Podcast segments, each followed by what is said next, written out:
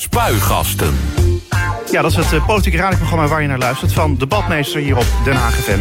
Live vanuit de Centrale Bibliotheek aan het Spui is dit het uh, politieke radioprogramma dus. In samenwerking met uh, Den Haag FM. Tot 11 uur neem ik de afgelopen politieke week door. En dat doe ik ook met mijn gasten. NIDA in de Haagse gemeenteraad meldt, maakt zich zorgen over Den Haag Meld. De plek waar mensen gevallen van discriminatie kunnen melden. Volgens de Islamitische Partij is Den Haag Meld onbekend, niet onafhankelijk en heeft de voorziening onvoldoende medewerkers en kennis in huis om mensen op een goede manier te helpen. In spuigasten gaan de Haagse politici Jemmel Yilmaz van NIDA en Karen Germans, de PVV, met elkaar in debat. Aanvragers van een wapenvergunning zal niet worden gevraagd naar persoonskenmerken als religie of politieke opvattingen. Het omstreden artikel in de nieuwe wet Wapens en Munitie over de verwerking van persoonsgegevens als ras en etnische afkomst is feitelijk overbodig en geeft de politie geen nieuwe bevoegdheid. En daarom is het bij nader inzien uit het wetsvoorstel geschrapt. Het Haagse Tweede Kamerlid Chris van Dam van het CDA is de gast in Spuigasten. Nou, goedemorgen Chris. Goedemorgen Ivor. Ja, drukke week achter de rug. Anders gezegd, kom je heigend binnen of uh, zit je al in de weekendmodus? Ja, wat is dat uh, weekendmodus sinds ik in de Tweede Kamer zit? Dat weet ik eigenlijk niet precies. Maar nee, het was een hele drukke week. Maar uh, nee hoor, het is absoluut weekend. En sterker nog, ik, mijn aanwezigheid hier in jouw programma zie ik ook als een deel van het weekend. Gelukkig maar. Nou, dat zijn dus straks allemaal de onderwerpen in Spuigasten. Maar eerst nog even een overzicht van de afgelopen politieke week. Het politieke weekoverzicht. Ja, laten we beginnen met de eerste dag. Maandag 11 februari. De 12 D66-lijsttrekkers voor de provinciale statenverkiezingen willen dat provincies hun reserves besteden aan schone energie, laadpalen en isolatie van huizen. Het gaat in totaal om 5,3 miljard euro. Bij de meeste provincies gaat het om geld dat is verdiend door de verkoop van aandelen van energiebedrijven. Chris, uh, toen jij dit las, wat dacht jij toen? Nou, mooie plannen. Mooie plannen. Mooie plannen, ja hoor. Dat, uh, als dat in de provincies er is. Alleen, uh, we moeten zorgen, dat is de inzet van het CDA... bij dat hele duurzaamheidsdebat, dat iedereen het mee kan maken... en niet alleen de mensen, ja, wat mij wil zeggen, uh, aan de grachtengordel. Ja, maar het is wel een trend, hè? De lijsttrekkers van GroenLinks die kwamen dezelfde dag nog met een open brief...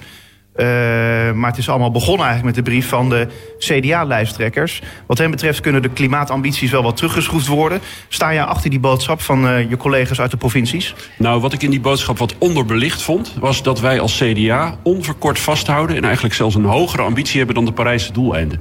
En ik vind dat we dat uitdrukkelijker moeten melden. Hè. Wij zijn de partij van het rentmeesterschap... En dat betekent dat je de aarde op een fatsoenlijke manier aan je kinderen en je kleinkinderen wil doorgeven. Dat is de ambitie die we moeten uitstralen. En daarbij past dat we dat met z'n allen mee kunnen maken. Dus dat er niet enorme belastingen komen of enorme kostprijzen of, of wat dan ook.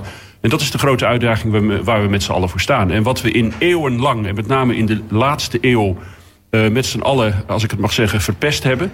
Daar moet je even de tijd voor nemen om daar weer in bij te trekken, om het met elkaar te doen. Dus uh, iedereen die dat denkt in een paar jaar of in één kabinetsperiode te doen, ja, die is wat mij betreft een beetje niet van deze wereld. Maar de ambitie, die mogen wij ook als CDA'ers wel iets meer uitstralen. Ja, dat, dat wou ik ook inderdaad zeggen. Want eh, het CDA komt in die zin uh, op het hele publiek over als uh, vrij conservatief op dit dossier. Ja, en toch is dat niet zo. Want wij, wij hebben bijvoorbeeld mijn collega Agnes Mulder in de Tweede Kamer. Die is zelfs in Europees verband bezig om te proberen om nog een hogere ambitie dan die Parijse akkoorden voor elkaar te krijgen dan moet je natuurlijk wel realistischer zijn. Als wij in Nederland uh, een hogere ambitie doen en in Duitsland stoken ze vrolijk door.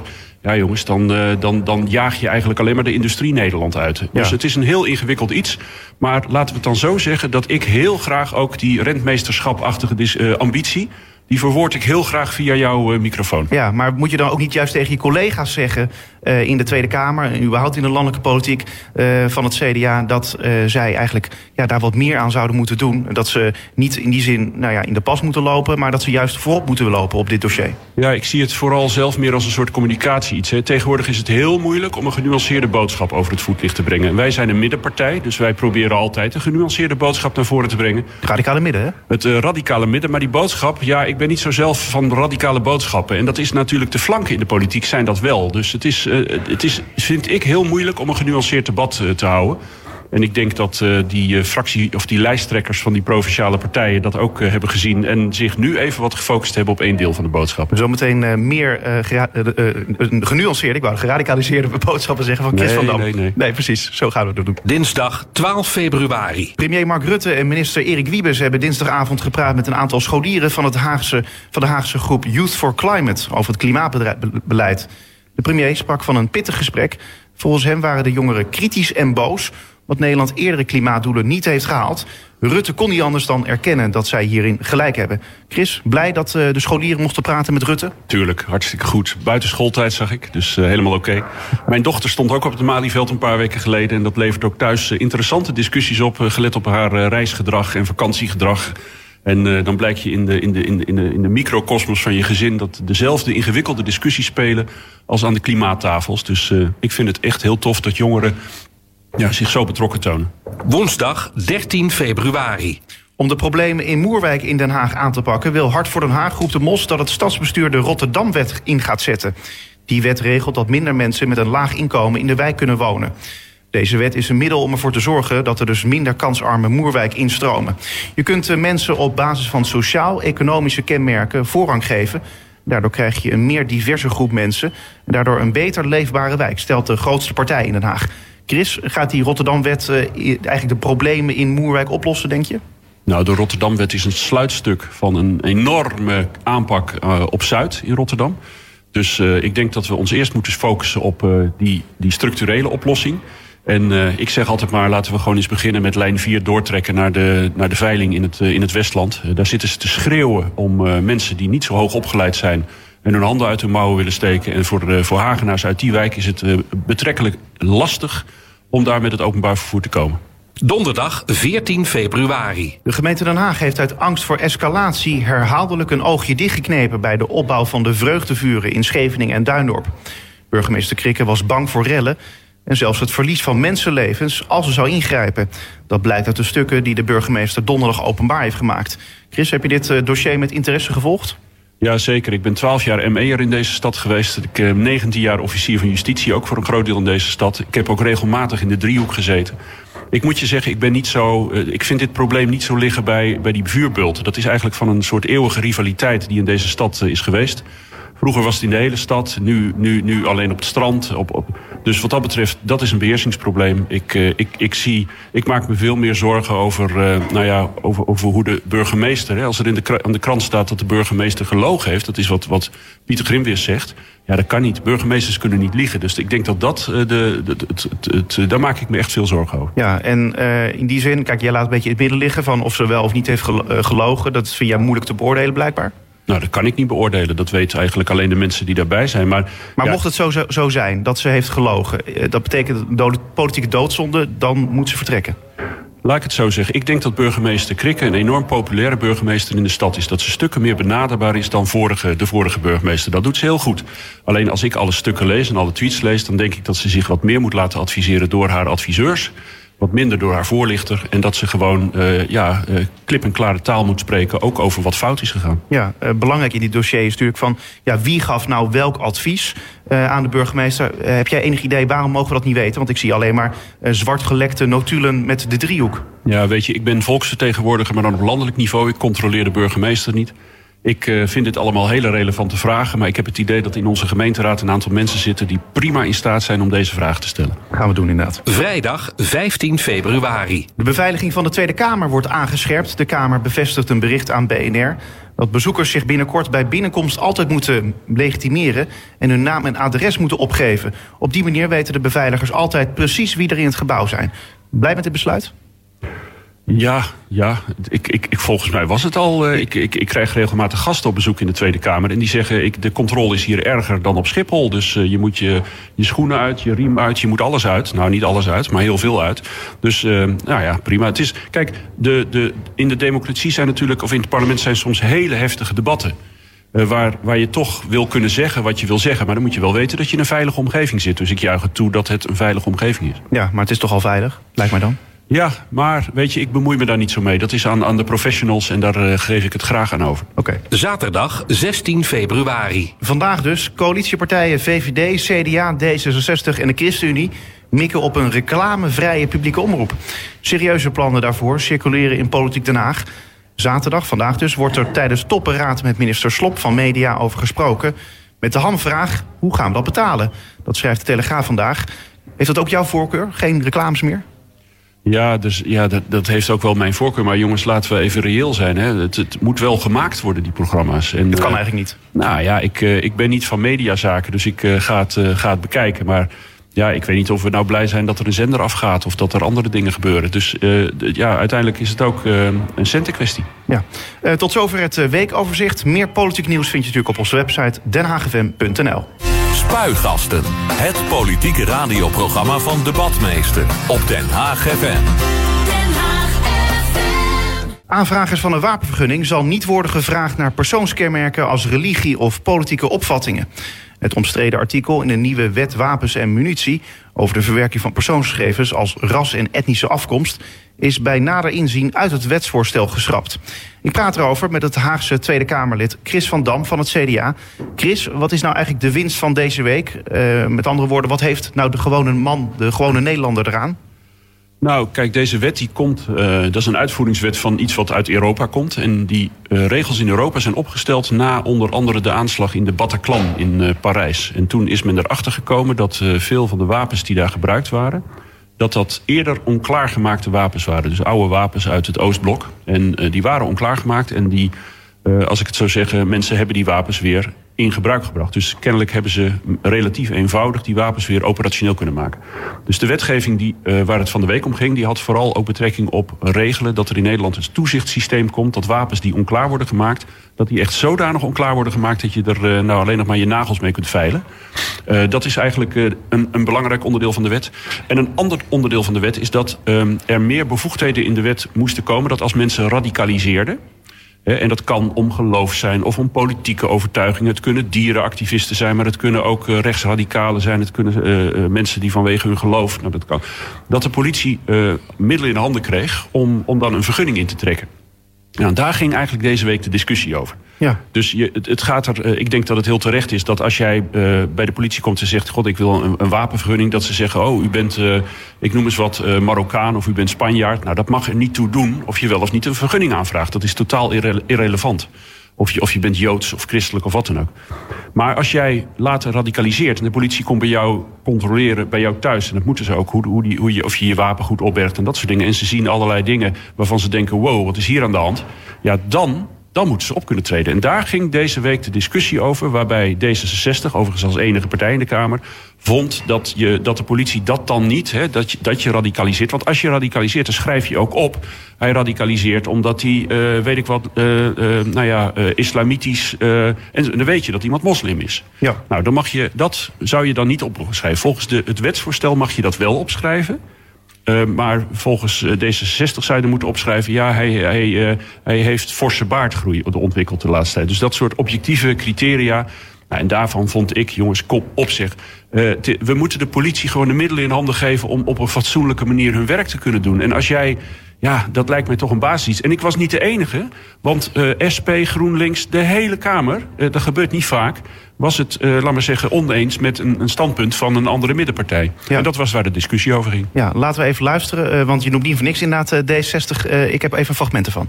Wat geeft u dan de politie wel in handen, qua juridische bevoegdheden, om wel deze wet uh, te controleren. Want ik kan me niet voorstellen dat D66 zou willen dat mensen die radicaliseren hun wapen houden. En dat maakt u eigenlijk mogelijk. Mevrouw Den Boer. Voorzitter, deze wet maakt heel veel dingen mogelijk. En deze wet maakt onder andere mogelijk de registratie van uh, wapens, de markering van wapens, uh, de transactie uh, van wapens, et cetera, et cetera. Dus ongelooflijk veel gegevens zullen door deze wet mogelijk gemaakt worden. En daar kan de politie mee uit de voeten. Heel kort, meneer Van Dam. Heel kort. Ik constateer dat er geen antwoord wordt gegeven op mijn vraag. En ik constateer dus dat D66 hier een groot gat in de wet laat, juist waar die wet voor bedoeld is. De, Voorzitter, de wet is niet door D66 gemaakt. Het is jammer dat de heer Van Dam constateert dat hier, D66 hier een gat laat liggen. Kennelijk heeft meneer Van Dam zich nog niet laten overtuigen door D66. Ik zou dat graag anders willen zien, uiteraard. Nou, veel partijen die richten dus hun pijlen op uh, D60. Uh, in die zin is D60 nog van mening veranderd? Ja, dat zijn ze zeker, want ze hebben inmiddels het amendement ingetrokken. Dus uh, ze zagen ook wel aankomen dat ze dat niet gingen redden. En uh, wat, wat ze nu wel doen, is dat er een soort evaluatiebepaling komt in de wet. Ook weer ingewikkeld, want de minister Grapperhaus die gaf aan dat als je dit in de wet gaat evalueren, dat je bijna bijzondere persoonskenmerken apart moet gaan vastleggen om te kunnen evalueren. Nou, dat was natuurlijk ook weer niet de bedoeling. Heel gedoe. Dus een heel gedoe. Dus er komt nu een, een soort, na vijf jaar, een soort onderzoek om te kijken hoe het, hoe het uitgepakt heeft. Nou ja, best.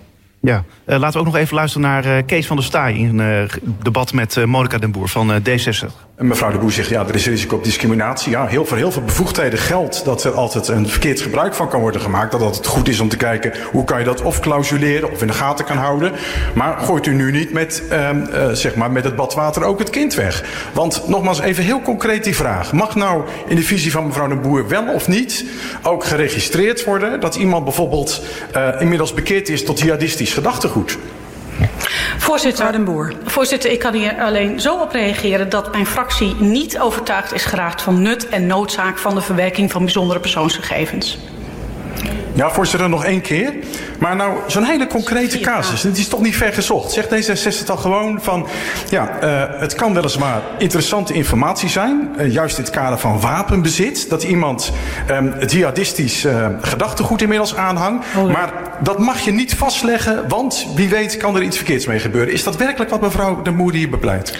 Voorzitter, ik heb hier zo meteen zelf ook nog een vraag over aan de minister, denk ik, hoop ik. Ik weet nog niet precies waar hij mee gaat komen, met de beantwoording van alle vragen, want ik heb ook nog meer vragen in mijn tekst opgenomen. Uh, maar uh, in ieder geval is het zo dat uh, de minister mist heeft laten bestaan over de verwerking van bijzondere persoonsgegevens. In de krant konden we bijvoorbeeld vanmorgen nog zien dat we tegen dit soort gegevens aan zouden kunnen lopen.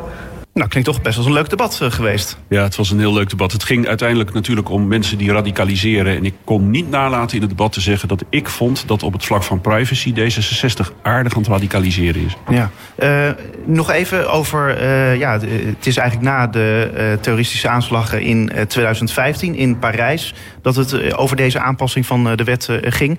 betekent het nou dat de kans op een aanslag daardoor kleiner wordt? Ja, dat, daar moet natuurlijk heel veel voor gebeuren. Uh, ik, uh, ik denk dat dit een zet is, een onderdeel is om te voorkomen dat, uh, dat nou ja, aanslagen gepleegd worden. We moeten ook heel realistisch zijn. Tegelijkertijd is het ook een verzwaring voor alle mensen in Nederland die een, een wapenvergunning hebben. Want die worden strakker gecontroleerd. En als ze een wapen kwijt willen, dan moet daar meer toezicht op zijn. Maar ja, dat is een beetje denk ik de prijs die je betaalt als je aan, de, aan, de, aan de schietsport deelneemt. Um, ik denk zelf dat wij in Nederland niet moeten vergeten hoeveel aandacht er besteed wordt door de politie, gemeente, door allerlei instellingen om mensen uh, toch erbij te houden. Uh, en ook door heel veel nou ja, vrijwilligers, mensen die een, een, een web spannen rond mensen die dreigen te radicaliseren. Dat zien we allemaal niet. Er gaat ongelooflijk veel capaciteit en tijd in zitten. En het is denk ik een van de successen waarom wij in Nederland vooralsnog gespaard zijn gebleven voor een aanslag. Ja, maar het gekke wel is natuurlijk met uh, deze hele discussie dat, uh, ja, dat er eigenlijk heel veel partijen zijn die zeggen van ja, we zijn niet uh, voorstander van het verzamelen van die bijzondere persoonsgegevens. Ik denk dan wel weer, het is toch juist heel goed om al die mensen juist heel goed in de gaten te houden. Dus dat eigenlijk dat je alles wat je over ze te weten kan komen, dat je dat opschrijft, toch? Ja, dat is ook zo. Alleen wij hebben sinds 25 mei vorig jaar de AVG, de die privacywet uit Europa, waar een heleboel mensen uh, kritisch op waren, ook wel terecht. Hè. Ging, mag je hier nog op een schoolfoto bij, uh, bij het afscheid en dat soort dingen. Maar inmiddels zie ik dat steeds meer mensen toch wel, uh, ook gelet op wat Google en, en, en Microsoft en allemaal van dat soort organisaties doen, dat, dat die steeds gelukkiger beginnen te worden. En ook ja. wel beginnen te waarderen dat onze privacy beschermd wordt. En er is in die wet een apart artikel wat extra eisen stelt aan die bijzondere persoonskenmerken. Bijvoorbeeld over dingen over jouw gezondheid of over over je religie of over je seksuele geaardheid.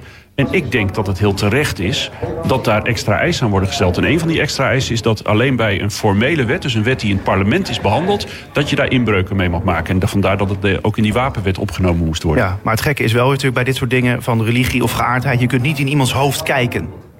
Nee, maar de politie kan wel op iemand zijn slaapkamer kijken en daar dingen tegenkomen. Of, of bijvoorbeeld op Facebook, hè, dat je gaat kijken van iemand die toch wel heel rare posts eh, neerzet.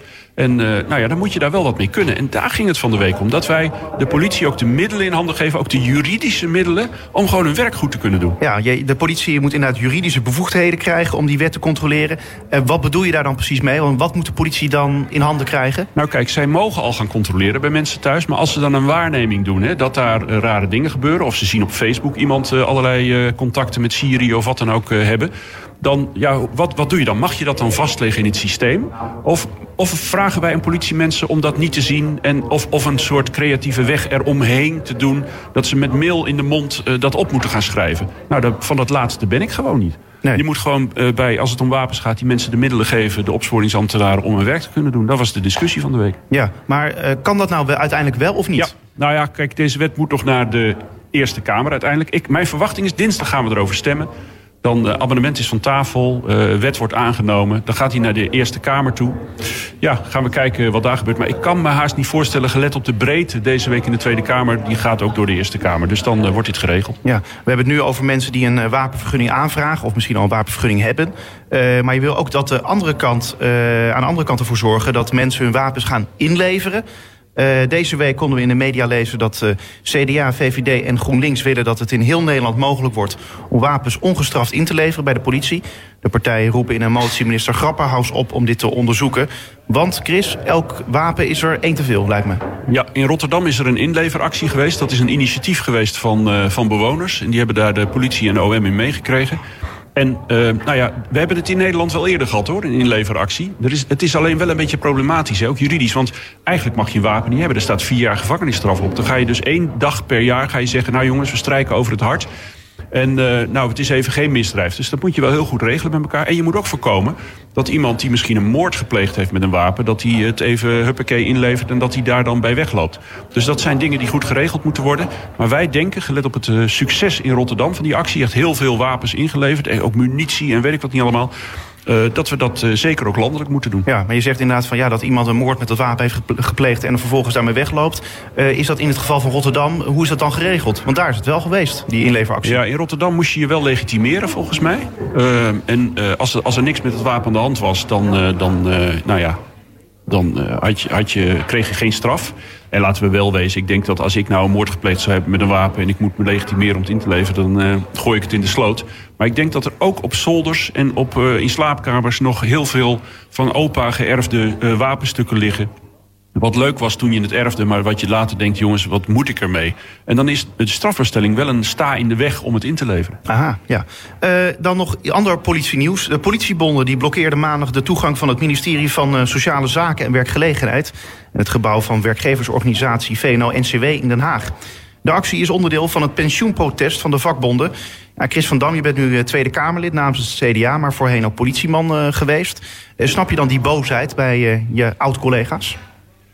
Nou, kijk, het gaat om, uh, om uh, de pensioenleeftijd. En dan de pensioenleeftijd voor zware beroepen. Daar gaat het om. En uh, die actie is ooit gestart door de politiebonden samen met de havenwerkers in de, in de Rotterdamse haven.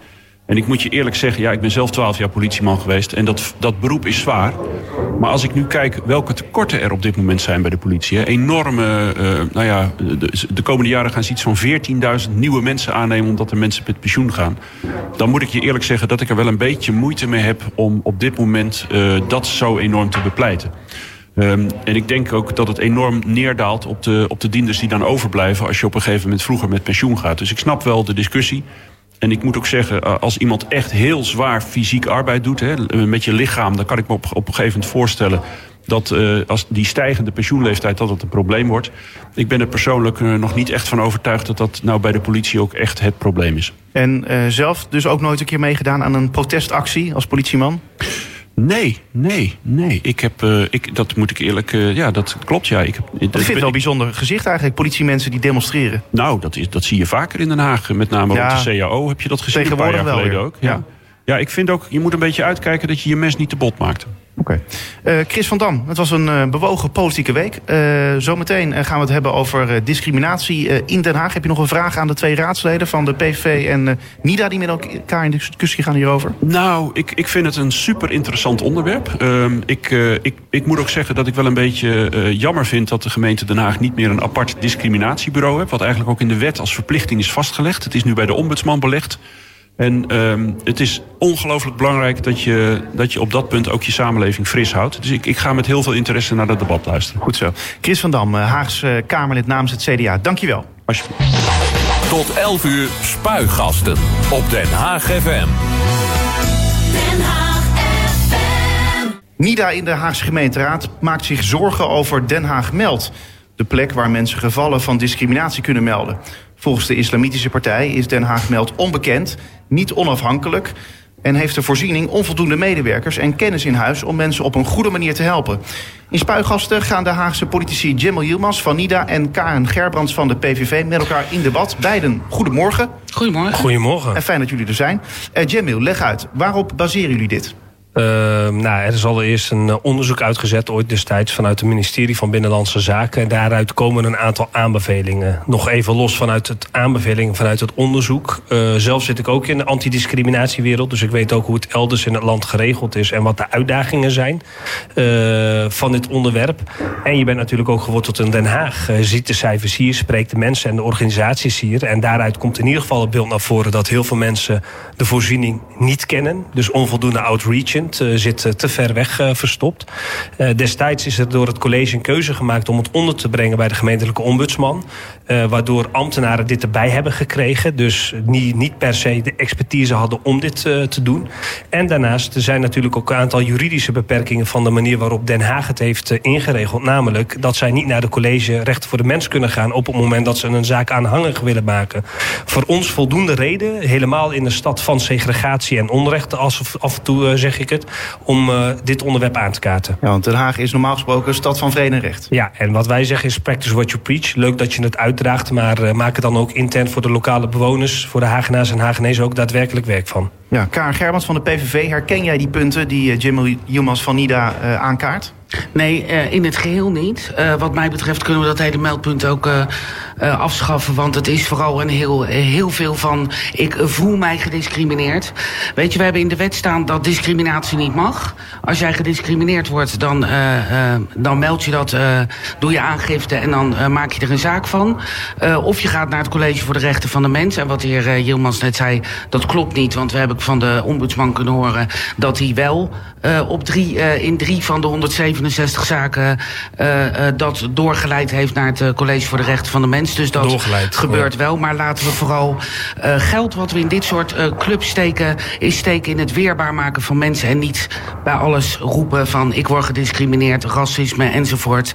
Ik word er een beetje moe van. Ja. Gewoon man up. Maar het is, het is wel bepaald dat een, een gemeente zo'n instantie moet hebben dat je ergens je discriminatie kan melden. Nou ja, dat hebben we nu. Dat is ondergebracht bij de ombudsman. Uh, ik vind daar wat van. Voor mij hoeft het helemaal niet, maar het moet. Nou, daar zit het. Uh, we hebben het rapport kunnen zien over uh, 2017. er zijn in totaal 167 zaken aangebracht... waarvan 4% daadwerkelijk geleid heeft tot, tot verdere stappen. En de rest voelt zich gediscrimineerd. En dat is het punt wat ik wil maken. Mensen voelen het, maar het wil niet per se zeggen dat het zo is. En de heer Jilmans maakt het ervan dat het zo is is dat we hier allemaal nou ja, vreselijk ik, lopen te discrimineren in Den Haag. En ik denk dat dat gewoon reuze meevalt. Jamil? Nou ja, heel simpel. Er zijn al zoveel onderzoeken geweest de afgelopen jaren, landelijk, maar ook uh, lokaal, rondom uh, structurele vorm van uitsluiting. Ik bedoel, dan gaan we het weer over kansenongelijkheid, arbeidsdiscriminatie. Ik wil al niet eens meer de discussie voeren van of het gebeurt, of het een gevoel is. Het is gewoon een bestaand feit. Laten we wel wezen.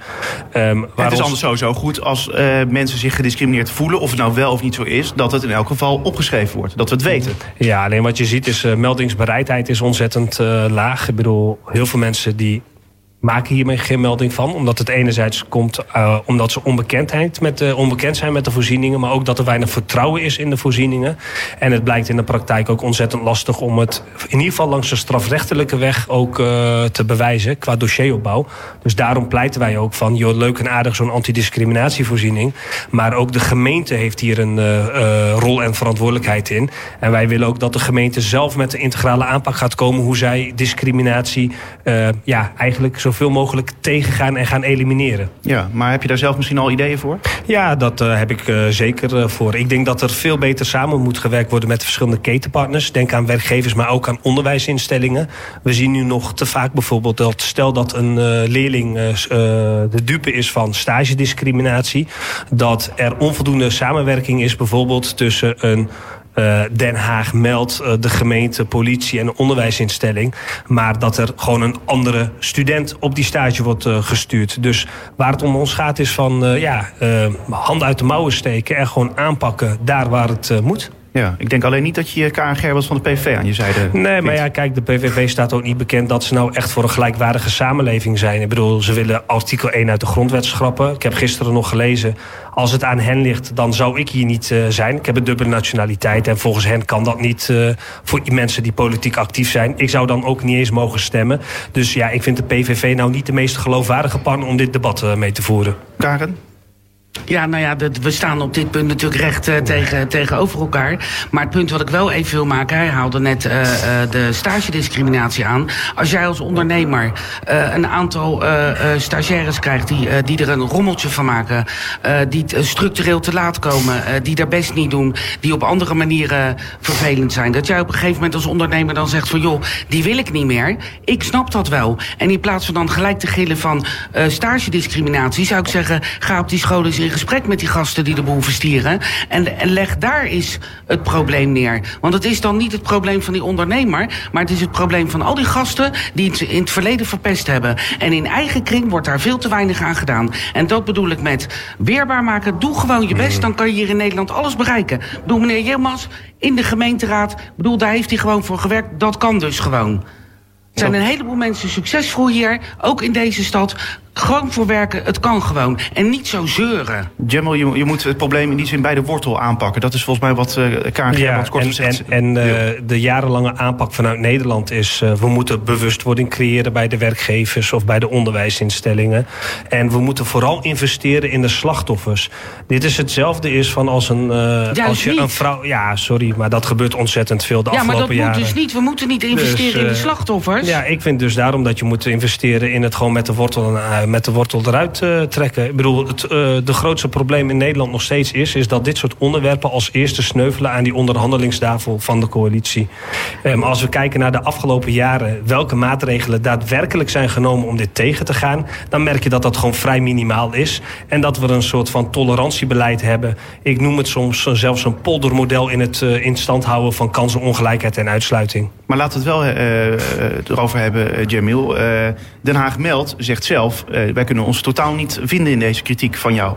Nee, ja, dat zou ik ook zeggen als ik hen was. Ja, heel simpel gezegd. Kijk, um, mijn pijlen zijn niet zozeer gericht op Den Haag Meld. Hè. Dit is een discussie die je in een college moet voeren. Zij, aan hun is gevraagd van... joh, zouden jullie deze antidiscriminatievoorziening... deze roltaak op je willen nemen? Nou, ze hebben dat onderzocht, ze hebben ja gezegd. Um, alleen als je kijkt voor een stad als Den Haag... en ook de aanbevelingen uit het rapport...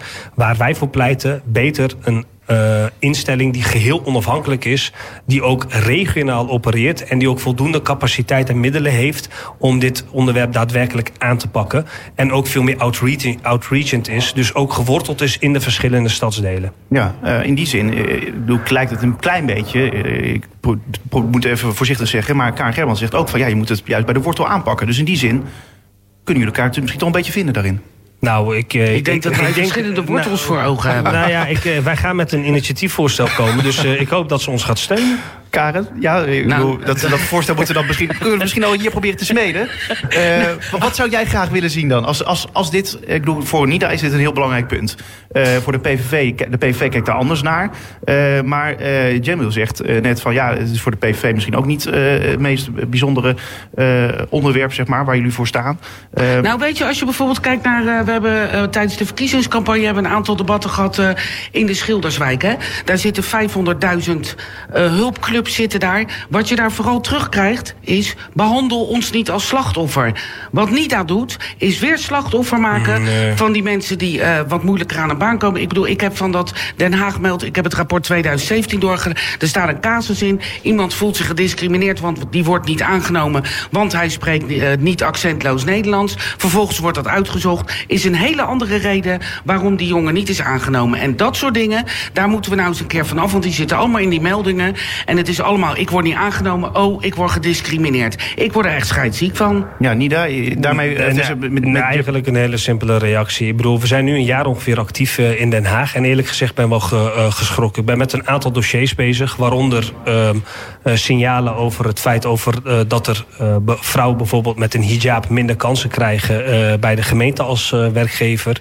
Eh, En terecht. ben- ik ben, eh, nou ja, hier kijk, dit is al een vorm van eh, uitsluiting. Ja, ik bedoel, I rest my case. Hier kun je Maar niet met meneer. Yilmaz, wat denkt u wat er gebeurt als wij iemand door. met een keppeltje ga- achter de ik- balie in het stadhuis zetten? ik, eh, Dan staat de halve islamitische bevolking van Den Haag staat hier moord en brand te gillen dat dat niet kan. en dan zou zou, dat, er wel eh, iemand met een hijab of een niqab of Ik achter ga, die ik, ga, balie ik, ga, moeten ik ga hem heel even afmaken. Ik zou die uitdaging graag met je uit aan willen gaan. Dus eh, voor mij eh, van harte welkom met je Keppel. Ehm, Ja, voor jou. Maar waar we ook mee, wat we ook hebben gezien bijvoorbeeld... zijn nu bezig met een zaak... is dat er een eh, groep van Turks-Marokkaanse ouders... bijna gelincht zijn bij een FC Duindorp. Hebben we vragen over gesteld. We hebben het incident gehad eh, van eh, mevrouw Meubelman... die eh, met een, haar huis is met een bel aangevallen in Duindorp. Ehm, we hebben zoveel signalen die we nu binnenkrijgen van burgers... die niet durven of het vertrouwen hebben om of naar een politie of naar een Den Haag meld te gaan. Dus ik denk dat we ook een andere referentiekader hebben. En wat ik zeg is van Den Haag, stad van vrede en recht, 200 organisaties die zich met dit thema bezighouden internationaal. Dan heb je ook de verantwoordelijkheid als stad om dit ook intern goed te regelen en hier een goede voorbeeld in te laten zien. En de manier waarop zij het debat voert met halve argumenten en non-argumenten in mijn geval, ja, ik vind dat echt gewoon beschamend. Maar reageer op het punt van, eh, van Kaar Gerbrands. Als er nou iemand met een keppeltje achter de balie staat... eh, Ja, dan nou- wordt daar meer gedoe over, meer stampij over gemaakt Nou, ik dan ben als wel benieuwd. hijab. Eh, la- la- laten we iemand met een keppel aannemen. En dan zal ik zorgen dat er heel veel mensen staan... die hem met een hele warme welkom met baklava gaan staan... om die persoon eh, te heten. Ja, maar dat is dan georchestreerd. Dus, eh, nee, niet. Ja, ik bedoel, hebben, hebben we daar bewijs van dat het zo is? Dat als iemand met een keppeltje staat, dat dat eh, niet eh, zou kunnen? Nou, je kan hier En- met een keppeltje niet door de Schilderswijk is- lopen. Eh, daar hoor ik meneer Hielmans niet over dat hij naar Den Haag meld moet. Als ik in een kort rokje Oh. door bepaalde wijken hier in Den Haag word voor kanker word uitgescholden, hoor ik meneer Hielmans ook niet over. heb het je is alleen hem maar? Turkse, Marokkaanse mensen die worden Nee, nee, achtergesteld. nee, Dan denk nee, nee, ik, nee. kijk eens wat er gebeurt met, eh, met de Nederlandse burgers in deze, ik- ik wil één in ding- deze stad. Mag ik nu even Heel uitpraten? even, Nee, maar ik wil, ik wil één ding ik heel heel duidelijk maken. uitpraten? Ja, ik, maar ik wil zo meteen wel echt één ding hierover duidelijk dat maken. mag. En waar het gaat om eh, bijvoorbeeld eh, mensen die in het stadhuis werken. Ik vind dat je daar helemaal geen uitingen van geloof of wat dan ook moet doen. Het is neutraal. Iedereen moet daar welkom zijn. Of je nou rood, zwart, wit, islamitisch, joods, ongelooflijk, christelijk bent. Daar moet je helemaal geen geloofsuitingen hebben. Dus geen keppel, geen hoofddoek. Dat is het punt wat ik wil maken. En dan heb je ook niet het gedoe, zeg maar. Jamil? Kijk, laten we wel wezen. Je kan het op deze manier dat debat voeren. Ik wil één ding duidelijk zeggen. Gelijkwaardigheid en rechtvaardigheid voor een ieder. Man, vrouw of met... Sommigen zeggen van, ehm, ik wil geen eh, gender genoemd eh, hebben. LHBTI, eh, leeftijd, eh, geloof, niet gelovig, anders gelovig... maakt mij of ons als NIDA helemaal niet uit. Gelijkwaardigheid en rechtvaardigheid voor een ieder. En Den Haag Meld is ook juist bedoeld... om al die verschillende vormen van discriminatie aan te pakken. Maar daar gaat De dus de discussie nooit Nee, over. nee. Dat die wil ik discussie, zeggen. die want discussie, ook NIDA nu wil ik even. alleen maar nee, aan- ik wil hem echt even afmaken. Ik, Jamil nog? Ehm, ook de- die vormen van eh, ongelijkwaardigheid en onrechtvaardigheid moet je gewoon keihard aanpakken.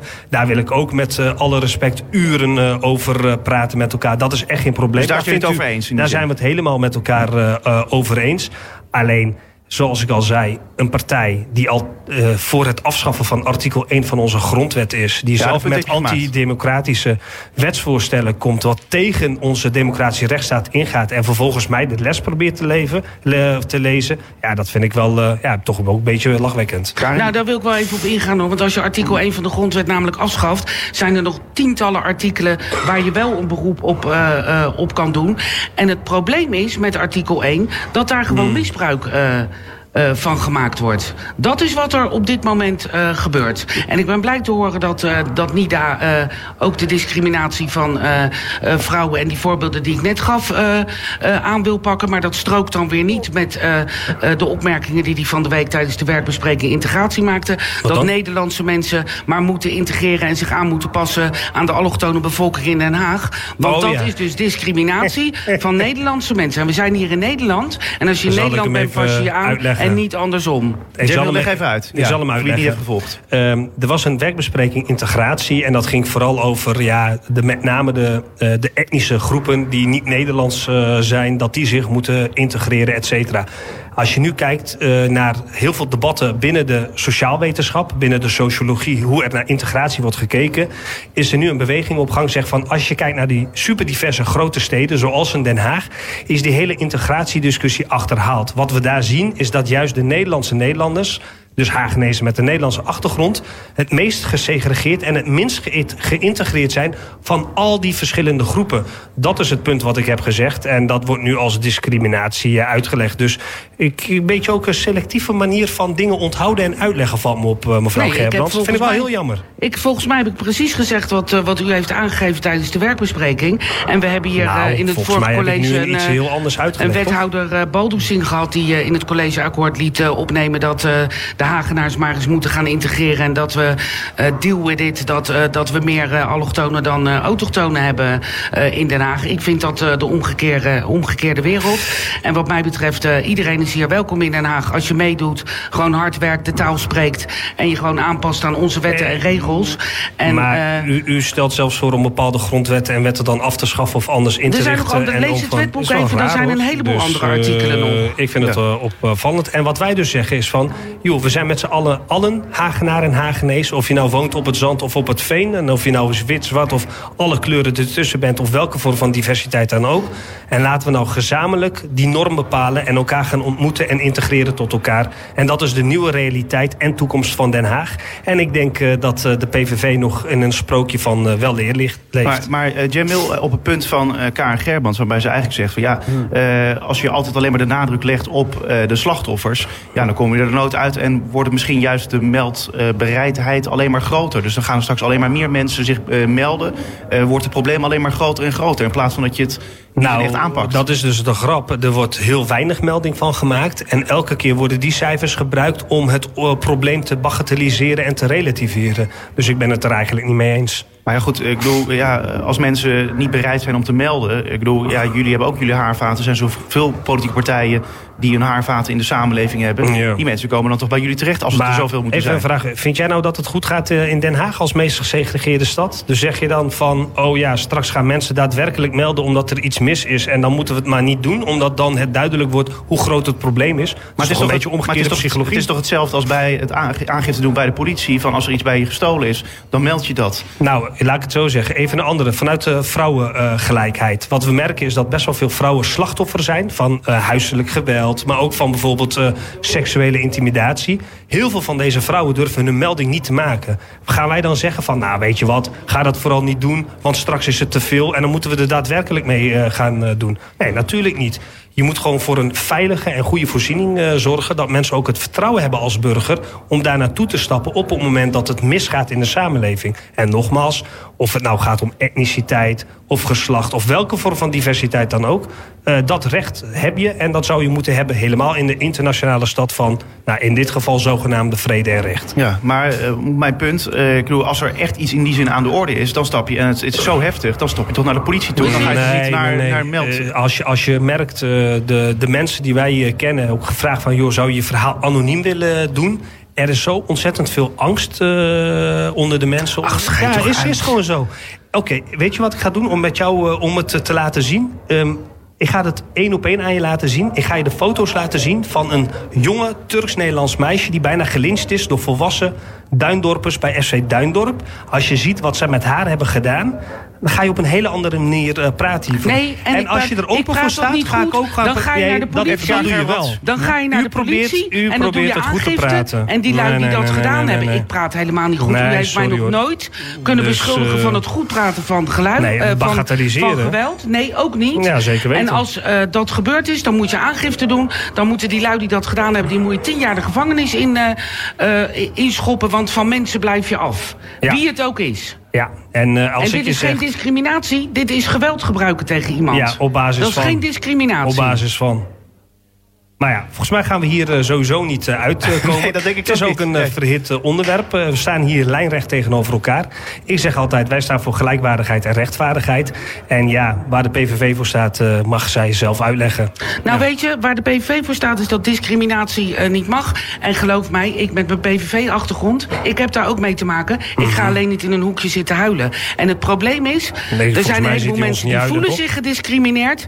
En als, als er uiteindelijk onderzoek naar gedaan wordt, blijkt in heel veel gevallen dat er geen sprake van is. Maar mensen hebben heel snel de neiging, en dat komt ook door partijen als NIDA die roepen dat het allemaal zo erg is. Als jij een baan niet krijgt, is het discriminatie. Uh, als jij uh, nee. ergens niet in mag, is het discriminatie. Ik bedoel, we hebben het etnisch profileren gehad. Drama, het was allemaal verschrikkelijk. Onderzoek gedaan. 2% van de klachten was daadwerkelijk sprake van etnisch profileren en niet die 100.000. En zo gaat het altijd met dit soort profileren is het eh, de politie, de slager die zijn eigen vlees keurt eh, in dit eh, geval. Er wordt heel veel aan de achterkant zie je, dit is eh, weer, goed eh, gerekend. Ik zit Onderzoeken zijn altijd goed als het in Eh, uw nee, straatje nee, is. En als het niet goed is, dan is het de, Ik kan, slager ik, die ik zijn kan nu twee voorbeelden Laatste punt, noemen. laatste punt, Eh, ja. Laatste punt over etnisch profileren, heel kort. Vorige keer kwam de heer Paul van Musje kwam eh, volgens mij ergens in de zomer uitleggen van... hey, nauwelijks melding van gemaakt. Terwijl we toen daar zaten, was er een groep van ongeveer 8, 9 jongeren uit de Schilderswijk... die slachtoffer waren van etnisch profileren... en dat de politie achter de schermen aan het regelen was... zodat er geen aanklacht eh, zou eh, worden ingesteld. Er is ook een hele andere realiteit, eh, mevrouw Gerbrands. En nogmaals, zoals ik al zei, we zitten hier gewoon totaal op een andere manier eh, erin. En eh, ik denk ook dat het even tijd is dat mensen moeten wennen... dat er een nieuwe generatie is opgestaan die hun mond opentrekt... en die hun positie in deze samenleving opeist. Nou, hou dat vooral vast en eh, trek je mond open, doe je ding, werk hard, doe lekker mee en zeur niet. We agree to disagree. Ik denk dat jullie daar zeg maar, eh, over Zeker. eens zijn op dit punt. Ik vond het een mooie discussie. We zijn aan het einde gekomen van deze aflevering van Spuigasten op Den Haag FM voor deze week. Zou zeggen bedankt voor het luisteren. En kan je geen genoeg krijgen van de Haagse politiek, dan heb ik nog eh, goed nieuws voor je. Want eh, komende dinsdagavond is van 6 tot even 7 uur s'avonds de talkshow Spuigasten hier in de Centrale Bibliotheek aan het Spui. Daar gaan we het hebben over de Provinciale Statenverkiezingen en natuurlijk over de vreugdevuren. Want ook daarover raken we maar niet eh, uitgepraat. Dinsdag dus van eh 6 tot 7 s'avonds hier in de Biep aan het Spui. Je bent van harte welkom. En volgende week, zaterdag, is natuurlijk ook weer een nieuwe aflevering van het radioprogramma Spuigasten op Den Haag FM. Ik zou zeggen, maak er een mooi weekend van.